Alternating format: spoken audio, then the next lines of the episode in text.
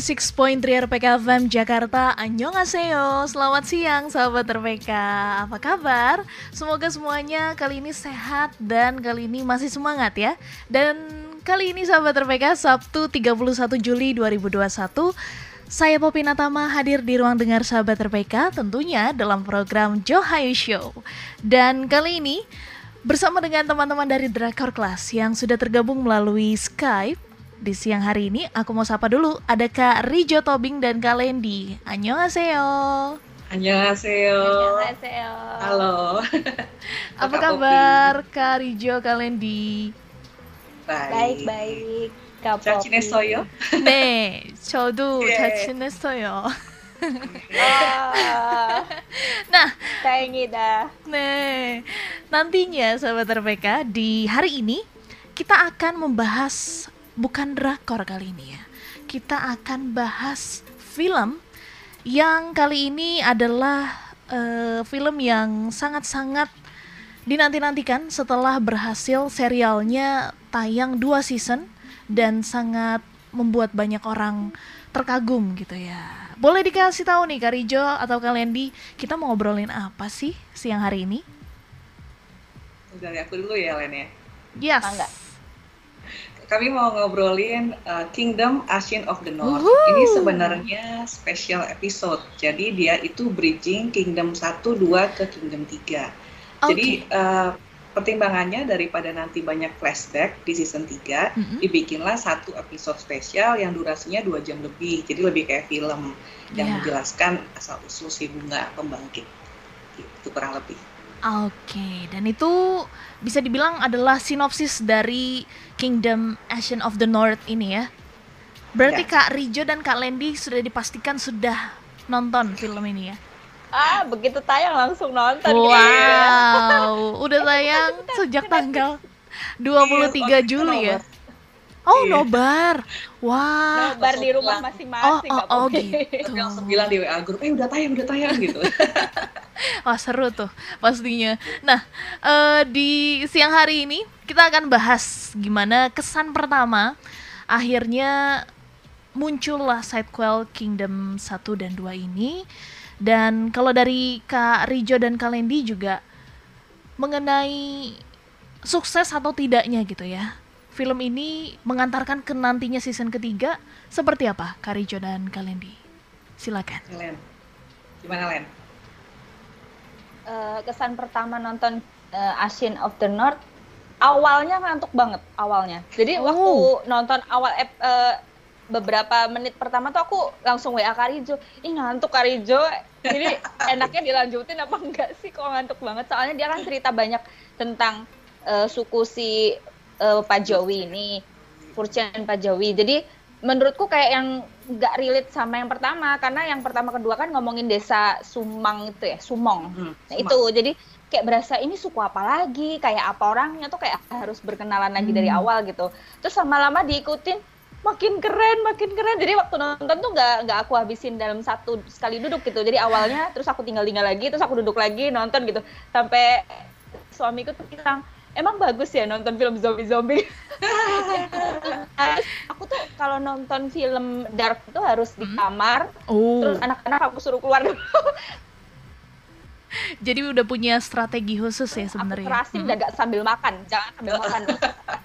iya betul, terus habis gitu yang pas sudah sampai episode tengah sampai akhir tuh ada yang udah yang aku udah puas banget lah nonton Kingdom tuh nggak pernah kecewa sama penulisnya. Iya, betul. Yes. Kim Eun Hee itu eh, penulis yang kawakan, Kak Popi. Dia menghasilkan Signal, itu drama 2016, Oh, keren banget. betul. Dan Phantom juga, yang main Seo Ji Suk.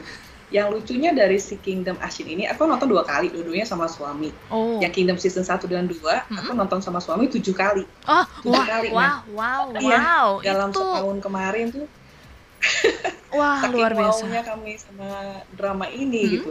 Iya, Dan- bener-bener. yang lucunya itu eh, gimana sih penulisnya pinter naruh si benang merah yang menjadi asal mula masalah tuh di Kingdom Ashin of the North. Jadi bukan Yes. soal si bunga, Benar-benar. bukan soal si Pangeran Licang, tapi soal si Linci Rock Commander yang membuat semua penipuan dan kebohongan yang bikin Ashin menendam. Itu pangkalnya. Ini cerdas banget. Dramanya Yes. cerdas. Iya cerdas. Betul cerdas. Tapi kalau aku ngeliat dari sinematografinya sih, hmm. jadi setiap ending di Kingdom tuh nggak berasa kayak apa nggak berasa kayak nggak mau nonton Kingdom berikutnya gitu. Jadi nah, awal iya, nonton betul. Kingdom satu tuh langsung lanjut langsung yeah. Kingdom dua kayak aduh kapan nih asin gitu. Jadi kayak semua penonton dibuat uh, penasaran sama bener. endingnya gitu. Drakor banget soalnya ya. Benar-benar benar-benar. Penasaran tuh drakor banget. Yes, dan berarti memang dari Karijo dan juga Kalendi ini suka nih ya genre seperti ini. Jadi uh, latar belakangnya tuh di zaman-zaman dahulu, terus juga ada banyak uh, konten yang bisa dibilang eksplisit gitu ya. Sebenarnya aku nggak ini nggak suka. Oh, aku nggak oh. suka banget. Oh, Karijo nggak suka. Aku tapi Karijo suami. Oh, oke. Okay. Iya, di, uh, dia kan suka yang zombie apokalips gitu. Nah, hmm. waktu 2019 itu itu Walking The Walking Dead itu udah hmm. season 10. Orang udah bosan zombie yang tiba-tiba makan orang tuh udah yeah, bosan. Tiba-tiba ini ada drama kerajaan, terus kata dia ah drama Korea paling lama. Eh begitu dua episode sini nonton bareng uh, suaminya Karijo berarti ikut drakor kelas juga nggak pernah jadi guest post soalnya cuma buat ibu-ibu. Oh, oke. Okay. kalau ya, guest post akhirnya. Oke. Okay. nah dari kak Lendi sendiri memang ini adalah genre yang kak Lendi suka atau gimana? Berawal dari penasaran suka justru. banget. oh. Iya aku, aku tuh suka sagek. Uh, kalau di runut aku suka sageknya dari Moon Lovers dulu. Nanti aku panjang hmm. cerita Moon Lovers jadi di stop sampai situ dulu. Jadi jadi Moon Lovers itu aku bisa nonton sampai beribu-ribu kali. Wah. Terus habis gitu pas awal nonton Kingdom itu sebenarnya dari Rampan sih. Jadi waktu nonton Rampan lihat Hyung Bin sama Jan Donggun Opa tuh berasa mm -hmm. kayak wah ini keren banget. Kok bisa sih Joseon ada zombie itu itu tuh yang jadi pertanyaan pertama. Emang okay. ada ya, tapi kan mereka mengistilahkannya bukan zombie di filmnya. Jadi aku masih relatable gitu. Jadi waktu nonton Rampan tuh yang cerdas banget sih Jan, Jan Donggun itu. Jadi waktu dia udah digigit zombie, biar hmm. dia jadi kuat, dia nggak mau mati juga. Dia tuh mut, mut, mutus tangannya, jadi dia separuh zombie, separuh oh, manusia gitu kan. Yes. Dari sejak Rampan itu aku langsung Kingdom harus nonton gitu. Iya, iya. itu film Kak Popi. Oh, Filmnya okay. dan Han. Yeah ada Hyung Bin ya loh Kak Pop. Masa nggak nonton oh, aja dong. Hyung Bin bersanggul. Oke, okay, kayaknya ya, setelah ini gitu. jadi yang diracunin tuh aku ya. Banyak yeah. list list yang perlu aku tonton. Rekomendasi dari Karijo dan juga Kalendi. Dan pastinya di siang hari ini sahabat RPK bukan hanya mengenai Kingdom of Ashen, Kingdom of Ashen. Kok jadi Kingdom of Ashen ya? Kingdom Ashen of the North. Tapi kita juga akan bahas bagaimana lebih dalam lagi. Terlebih kali ini busana yang digunakan Ashin juga cukup menarik banyak perhatian ya ternyata ya. Nanti kita akan bahas sahabat RPK so mungkin ada sahabat RPK juga yang sudah nonton film ini. Boleh ikut berinteraksi atau memberikan pendapat sahabat RPK gimana setelah nonton film dua jam ini sahabat RPK bisa kirimkan interaksinya melalui SMS ataupun WhatsApp di nomor 0815 1800 atau bisa langsung chat di live chat streaming YouTube RPK FM. Jangan ke mana-mana, kami akan segera kembali setelah jeda break berikut ini.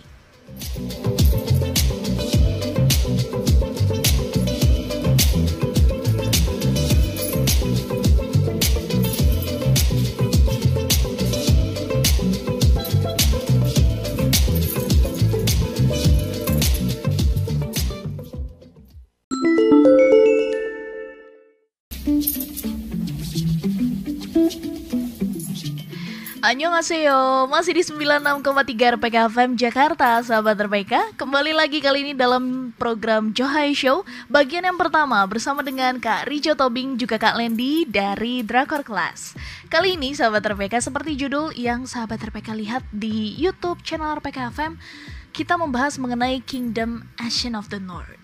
Nah selanjutnya nih aku mau tanya juga nih Kalau dari pendapat Kak Rijo dan Kak Lendi season 1, season 2 atau Kingdom Ashen of the North nih yang paling menarik? Gak bisa dibilang paling menarik juga karena itu satu timeline Kak Poppy. Oke. Okay. Jadi dari Kingdom pertama itu kan kenapa zombie itu bisa muncul. Mm -hmm. Lalu diakhiri dengan uh, perebutan tahta. Itu akhir dari season 1 lanjut ke season 2. Kemudian di akhir season 2 itu diakhiri dengan tujuh tahun kemudian apa yang terjadi, kenapa zombinya muncul lagi, lalu flashback ke kejadian gimana Ashin itu historically bisa membawa si bunga pembangkit ke Joseon gitu. Jadi oh. uh, kalau dari pendapat saya nggak bisa dibilang mana yang lebih menarik. Itu satu timeline yang logis. Semuanya penting. Gitu. Betul betul. Nggak boleh dilewatin satu season pun yeah. nggak boleh gitu ya kayak. Ya? Iya, dan singkat kok kak, cuman satu episode, eh satu season itu enam episode, jadi 12 episode totalnya. Betul, itu Ditambah sudah serupa dengan biasa yes. satu drama. Mm -mm, satu Betul. drama kurang makanya. Kalau dari Kalendi gimana Kalendi? Aku gak sebijaksana Karijo sih. Semua orang punya pendapat yang berbeda, it's okay kak dari semua season Kingdom 1, 2, 3 tuh kayak permainan permainan psikologis dari penulis ya gitu.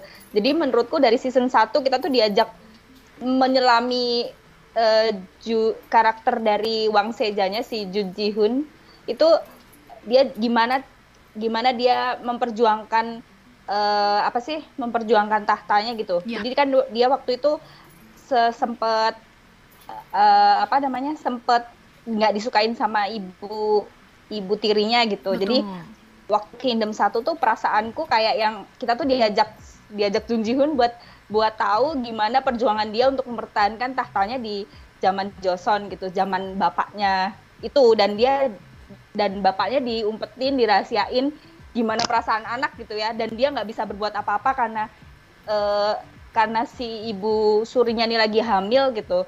Jadi pemberontakannya tuh dapat gitu. Begitu masuk ke season 2 ada perasaan harus harus apa adaptasi lagi. Karena yang season 2 ini menurutku psikologis banget gitu. Mm, dari yang okay. pertama tuh kayaknya Jun Ji Hoon tuh capek banget gitu. Yang pertama tuh dia lari-lari lah apa gitu. Kayaknya ngos-ngosan gitu ngeliat ngeliat Jun Ji Hoon.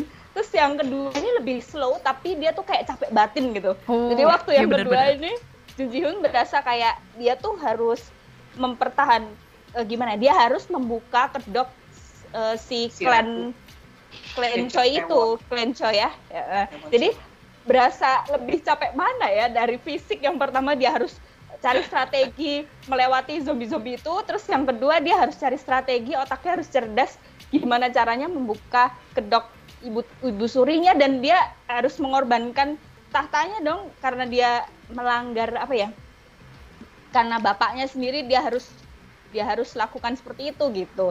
Jadi menurutku uh, yang pertama aku lebih seneng yang capek-capekan. Yang Soalnya pertama itu fire fighting banget kan. Pokoknya bener, lawan bener. zombie lawan zombie. Lari-lari terus bener iya itu aku capek banget ya. Kayak ikut ngos-ngosan gitu ya jadinya ya. Iya bener. Iya iya. Tapi, tapi yang kedua pas ya.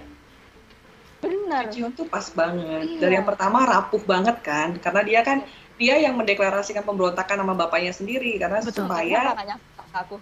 tahtanya nggak jatuh ke tangan ibu tirinya si Hewon Choklan itu. Iya. Tapi begitu season 2 ngelihat dia jadi pemimpin yang sangat sayang sama rakyatnya, aku wow banget loh pertama kali ngeliat Ju Ji Hoon di situ.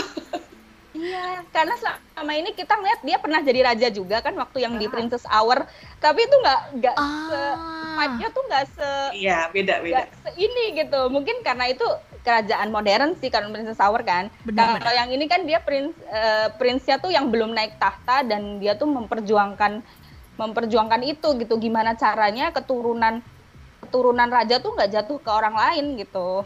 Ya, suka banget lah. luar biasa dia anak dari selir.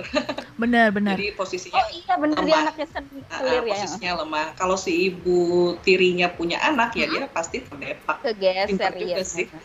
betul betul. Dan uh, kalau menurut Kak Rijo dan Kak Lendi sendiri sejauh ini sebenarnya di drama Korea gitu ya sudah adakah yang punya plot seperti ini? Yang serumit ini maksudku? Kalau untuk Saga Moon Lovers. Moon iya, Lovers ya, bener bener bener. Cuma beda genre tapi serumit itu ya Len ya. Iya, sama itu sih yang ada Song Joong Ki itu apa? Uh, uh, Sung Kyung Kwan Sandal. Ada ada lagi yang pas dia jadi Wang Seja kalau nggak salah. Uh, di perut di perut Ah iya itu itu ya. Ah, itu ya. juga bulat-bulatisasi gitu. karena hidup zaman itu emang gak mudah kak Poppy. iya bener, betul bener, bener. yang itu yang bikin aku suka sagek jadi mereka tuh hidup dengan segala aturan yang tidak boleh diterabas dan kita tuh harus tahu diri gitu. Aku sukanya di situ sih. Zaman orang zaman sekarang huh? tuh berasa nggak tahu diri. Eh maksudnya aku ini loh. Uh, lebih frontal gitu ya mungkin ya. Iya betul. Jadi zaman sekarang tuh orang bisa mengeluarkan pendapat dengan sangat mudah dan tidak dan bisa berlari tanggung jawab gitu. Jadi kayak akun palsu buat kayak gitu-gitu. Hmm. Tapi zaman dulu jangan kan mau ngomong belum ngomong aja udah dituduh pengkhianat langsung dibunuh aduh ya bener bener iya. bener. Dan menariknya Pasti, dari drama-drama dan zaman dulu kan hukumannya nggak cuma ke orangnya yes. keluarganya oh iya. Bener bener bener. Kalau udah dibilang traitor tuh rasanya kayak yang abis loh. Uh -uh. bisa dibilang satu marga itu bisa kena gitu ya. Oh iya benar-benar bisa uh -uh. turun turun kasta juga ya. Betul. Iya bisa bisa demosi jabatannya. Iya iya iya. Jadi apa-apa tuh harus bener-bener dipikirkan uh, hmm. apa harus dipikirkan resikonya gitu. Bener. Dan jadi inget uang muk ya. lagi. Dan juga yang menarik dari drama Segek ini adalah di mana kita tuh bisa ngelihat gitu ya ya kayak ya. budayanya itu sangat-sangat terasa terlebih dari tata bahasa itu terlihat banget ini juga bisa dibilang cocok untuk terlebih yang baru belajar bahasa Korea gitu ya. Jadi taunya tuh pakem-pakem bahasa dasarnya terlebih dahulu. Bisa dibilang gitu nggak sih kak?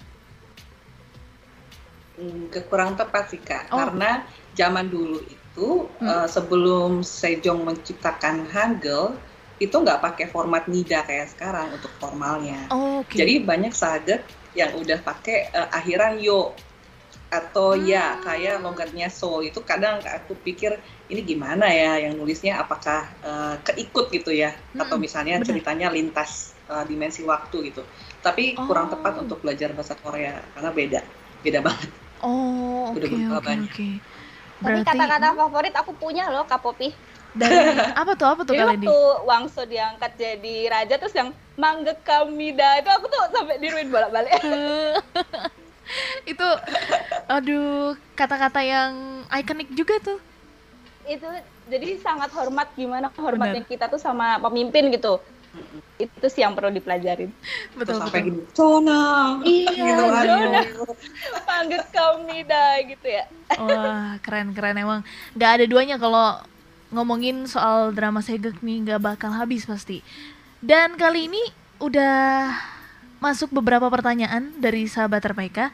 Nanti akan segera aku bacakan karena sesaat lagi kita akan masuk ke time signal di studio RPK FM. Kita akan dengarkan bersama juga ada COVID update dan sahabat RPK tenang ya masih mau tanya-tanya tentunya boleh banget. Kirimkan interaksi sahabat RPK atau mau seru-seruan bareng membahas mengenai drama Kingdom dan kali ini juga berfokus kepada sidequel dari Kingdom Ascent of the North boleh banget di SMS ataupun WhatsApp di nomor 0815 1800 atau langsung ketik pertanyaan dan interaksi sahabat RPK di YouTube channel kami 96,3 RPK FM. Dan jangan ke mana-mana, kami akan segera kembali tetap di 96,3 RPK FM Jakarta.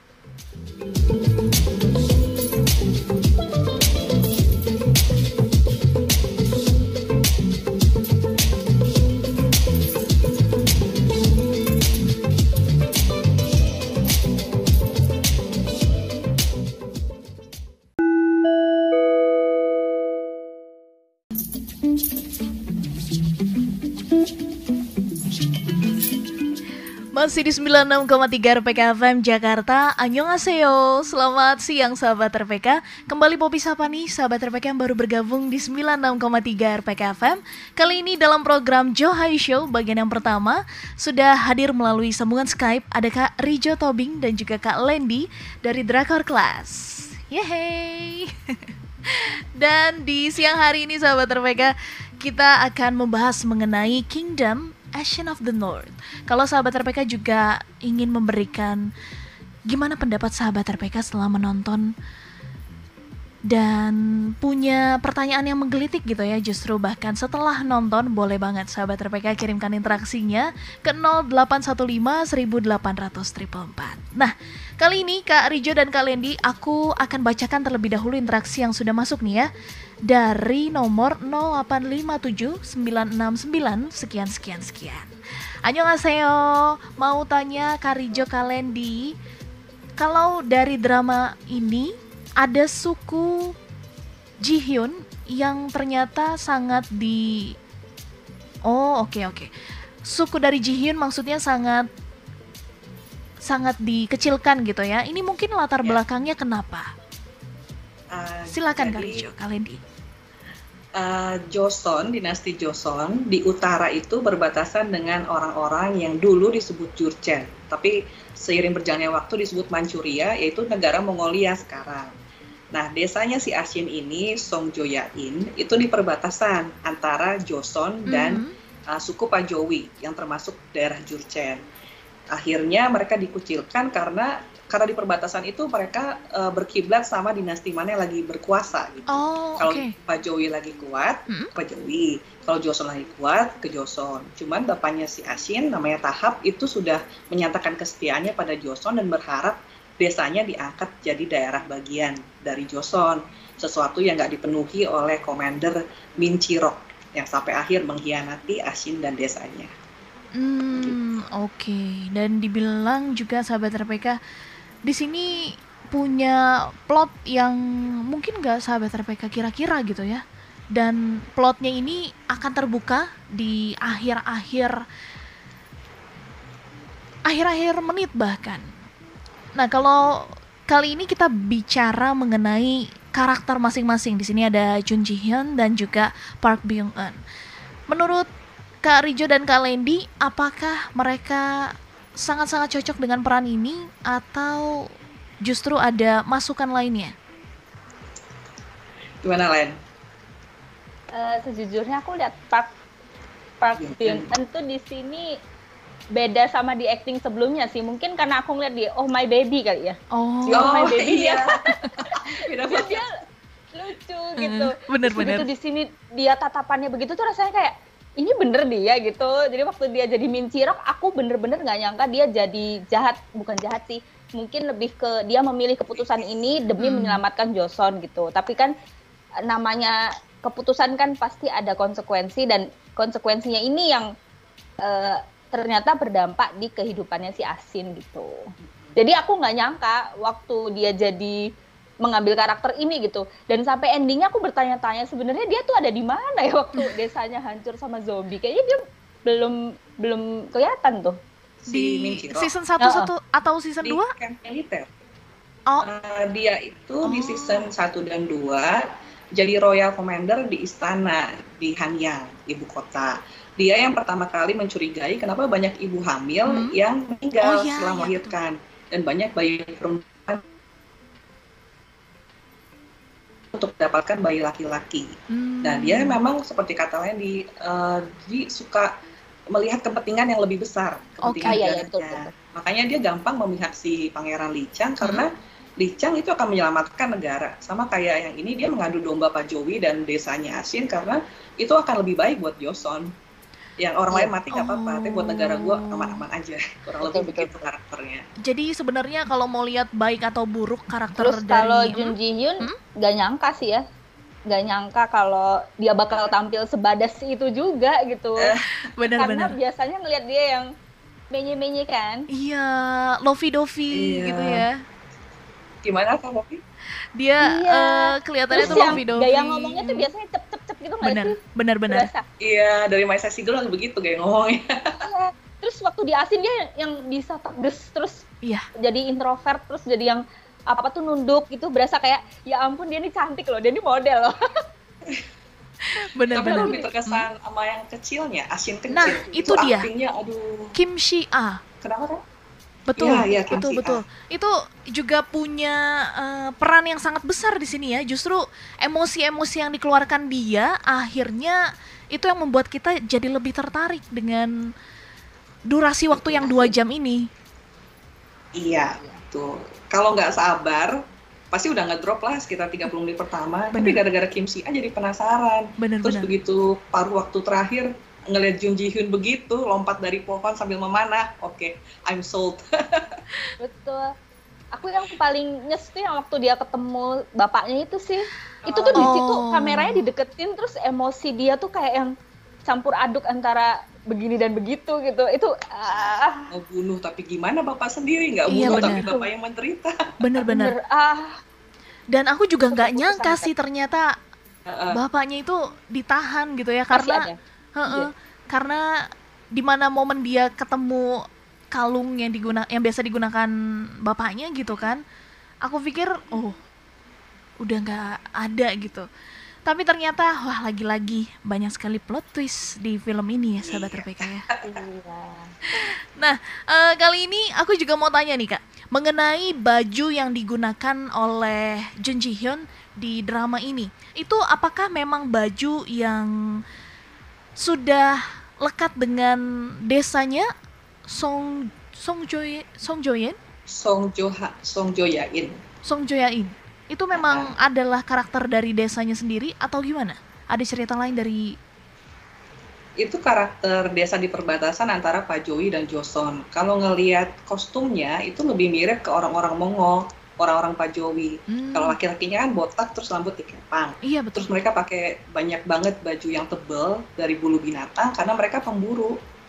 Orang-orang Manchuria awalnya itu pemburu gitu. Jadi bagus juga untuk uh, studi historinya tepat banget lah. Kim Eun Hee, nggak ada yang missing di situ. Detailnya tepat ya? Iya, semuanya detailnya dapat. Udah juara banget lah ya. Mm -mm. Nah, sejauh ini mungkin dari yang sudah pernah ditulis gitu ya naskahnya dari Kim Eun Hee ini drama atau film apa yang paling punya arti yang sangat-sangat bagus menurut Kak Rijo dan Kalendi? Aku udah nonton Signal sama Phantom. Kalau Randy udah nonton belum? Aku Signal sama Phantom nonton juga sih, tapi ya karena nggak begitu suka detek, bukan nggak begitu suka suka, tapi mm-hmm. harus ngeliat opaya dulu. Mm. Jadi aku lebih cenderung ke Signal sih.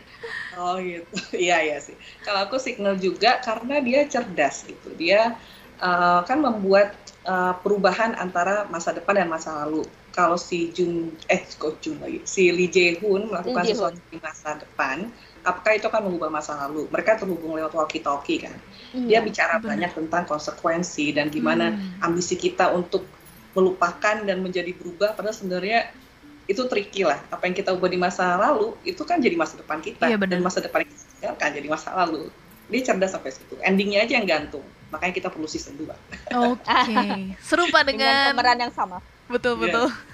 dengan Kingdom Ashen of the North ini pasti udah dipastikan akan ada season 3 ya Karijo dan yeah, kalian Januari. ada dong ada. Januari. Gara-gara covid. Kingdom Crown Prince Oh oke, okay. proses syuting sudah dilakukan namun harus ditunda.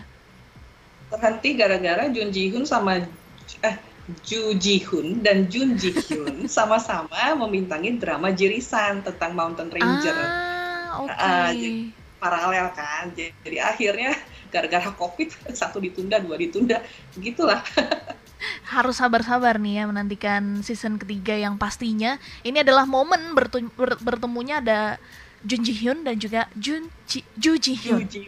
Iya. Namanya tuh mirip-mirip ya. Paling penasaran sama endingnya Kingdom 2 sih Kak Poppy. Bener, bener. Kan uang sejanya udah digigit waktu bayi tuh. Yes. Terus kelihatan kayak ada, ada parasitnya uh, gitu. Betul, betul, betul oh ini apa sih gitu udah penasaran banget gimana nasibnya uh -uh. iya betul dan kali ini sahabat terpeka mungkin yang juga penasaran atau bahkan punya spekulasi gitu ya di season 3 akan seperti apa sahabat RPK boleh kirimkan interaksinya di nomor interaksi RPK FM 0815 1800 atau bisa langsung ketik pertanyaannya di live chat streaming YouTube RPK FM. Jangan ke mana-mana, kami harus mendengarkan jeda break sejenak dan juga sahabat RPK dengarkan ya. Tetap di 96,3 RPK FM Jakarta.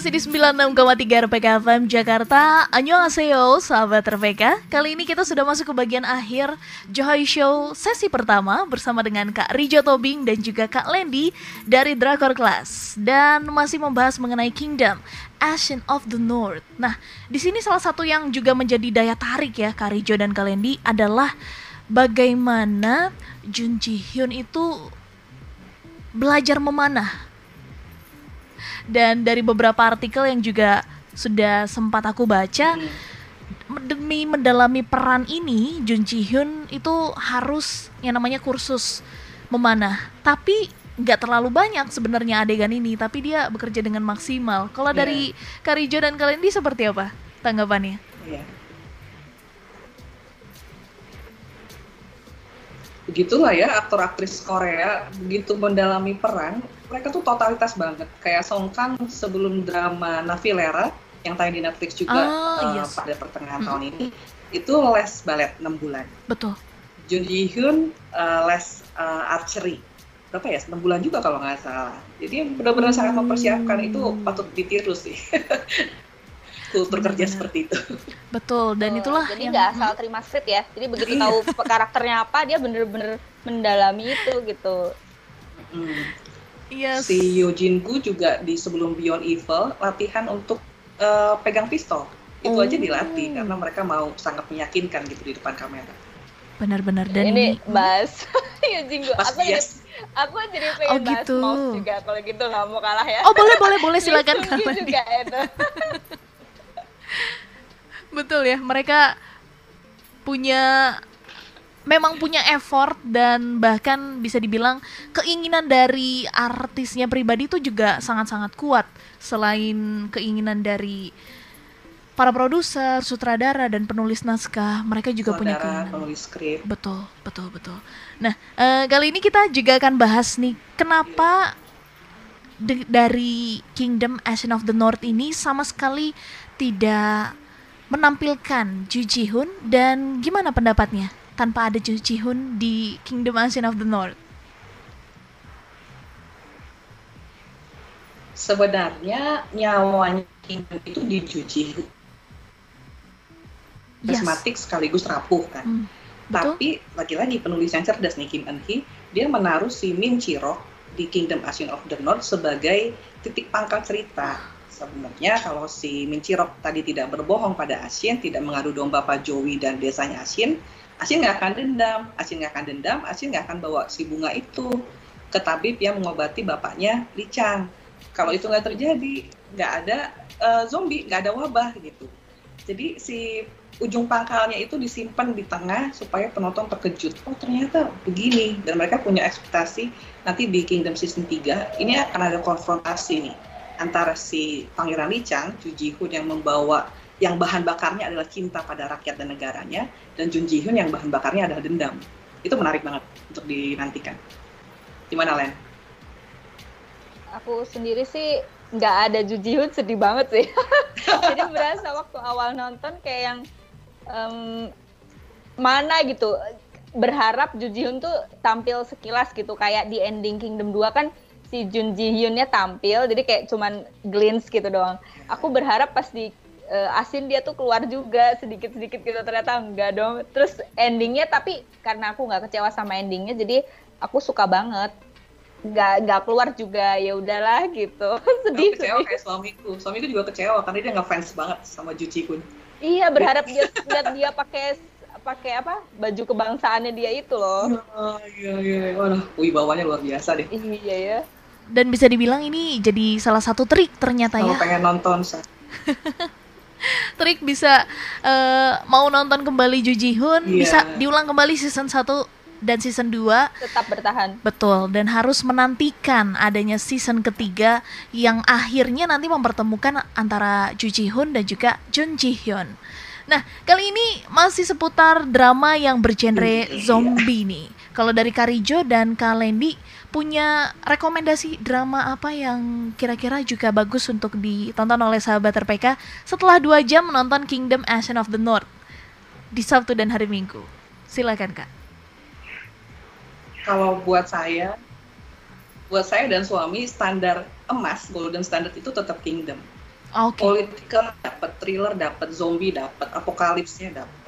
Uh, cuma kalau untuk membandingkan sedikit itu Sweet Home. Itu juga keluaran Netflix. Oh. yang main Song Kang mari kita tersongkang songkang. Cuman yes. background story-nya kurang kuat di situ. Jadi dari sisi kalau orang suka sejarah kalau hmm. orang suka ngikutin cerita fiksi itu Kingdom nggak ada bandingannya. Okay. nggak ada sama sekali. Udah paling TOP BGT kalau dari Karena merangkum semua. Betul. Hmm. betul. Kalau dari Kalendi Rampan. lagi. Tetap ya, balik ya. Eh, jadi aku tuh ceritanya suka sama Jandonggun sih sebenarnya. Oh. Mungkin aku suka, tapi Jandong pesona Jandonggun tuh nggak bisa ditolak gitu. Itu opa yang sudah sudah uh, apa malang melintang di dunia film, drama dan kalau kalau nonton drama tuh suka zaman dulu drama yang zaman-zaman tahun 2012 gitu hmm. mesti kalau dibilang ganteng gantengnya kayak Jandonggun gitu jadi standar gantengnya Korea tuh Jandonggun gitu waktu dia hadir dalam versi Sagek di hmm. Rampan hmm. aku tuh yang udah oh ya Allah jadi jahat ih keren banget serius keren banget Kayaknya aktor Korea kalau udah jadi jahat pasti naik kelas Kak Popi. Iya bener ya. Karismanya tuh kayak ada yang keluar iya. gitu yang selama ini ditahan-tahan. Oke. Okay. Iya, Itu juga bisa jadi salah satu drama rekomendasi nih sahabat RPK di hari Sabtu dan Minggu sebelum kembali beraktivitas gitu ya. Healing di rumah aja jangan ke mana-mana. Nonton nonton drama itu jauh lebih baik ya sahabat RPK ya. Dan kali ini aku ingin sampaikan terima kasih banyak waktunya untuk Karijo Tobing dan juga Kalendi kita ketemu lagi pastinya di siaran selanjutnya. Dan selamat berakhir pekan untuk Kak Rijo, Kalendi dan keluarga. Dan untuk sahabat terbaik tenang. Masih Johai Show masih mau udara di ruang dengar sahabat terbaik karena setelah ini kita akan bahas mengenai debut solo. Ini salah satu member dari boy group yang cukup dan sangat populer dia punya talenta yang juga luar biasa ya sahabat RPK nanti akan dibahas dalam pro program Joy Show bagian yang kedua. So jangan ke mana-mana ditunggu sahabat RPK dan nantikan live streamingnya di YouTube channel RPK FM dan untuk sahabat RPK yang mau tahu informasi lebih dalam mengenai drama Korea terbaru, mengenai info-info dan update drama dan juga film Korea Selatan bisa langsung buka di website Drakor Class karena di sana sudah dirangkum dengan sangat-sangat baik. Sahabat RPK bisa langsung kepoin juga Instagramnya at drakorclass. Dan sampai jumpa lah kembali Karijo, Kalendi. Ya, makasih Kak Popi. Annyeong higaseo. Annyeong higaseo.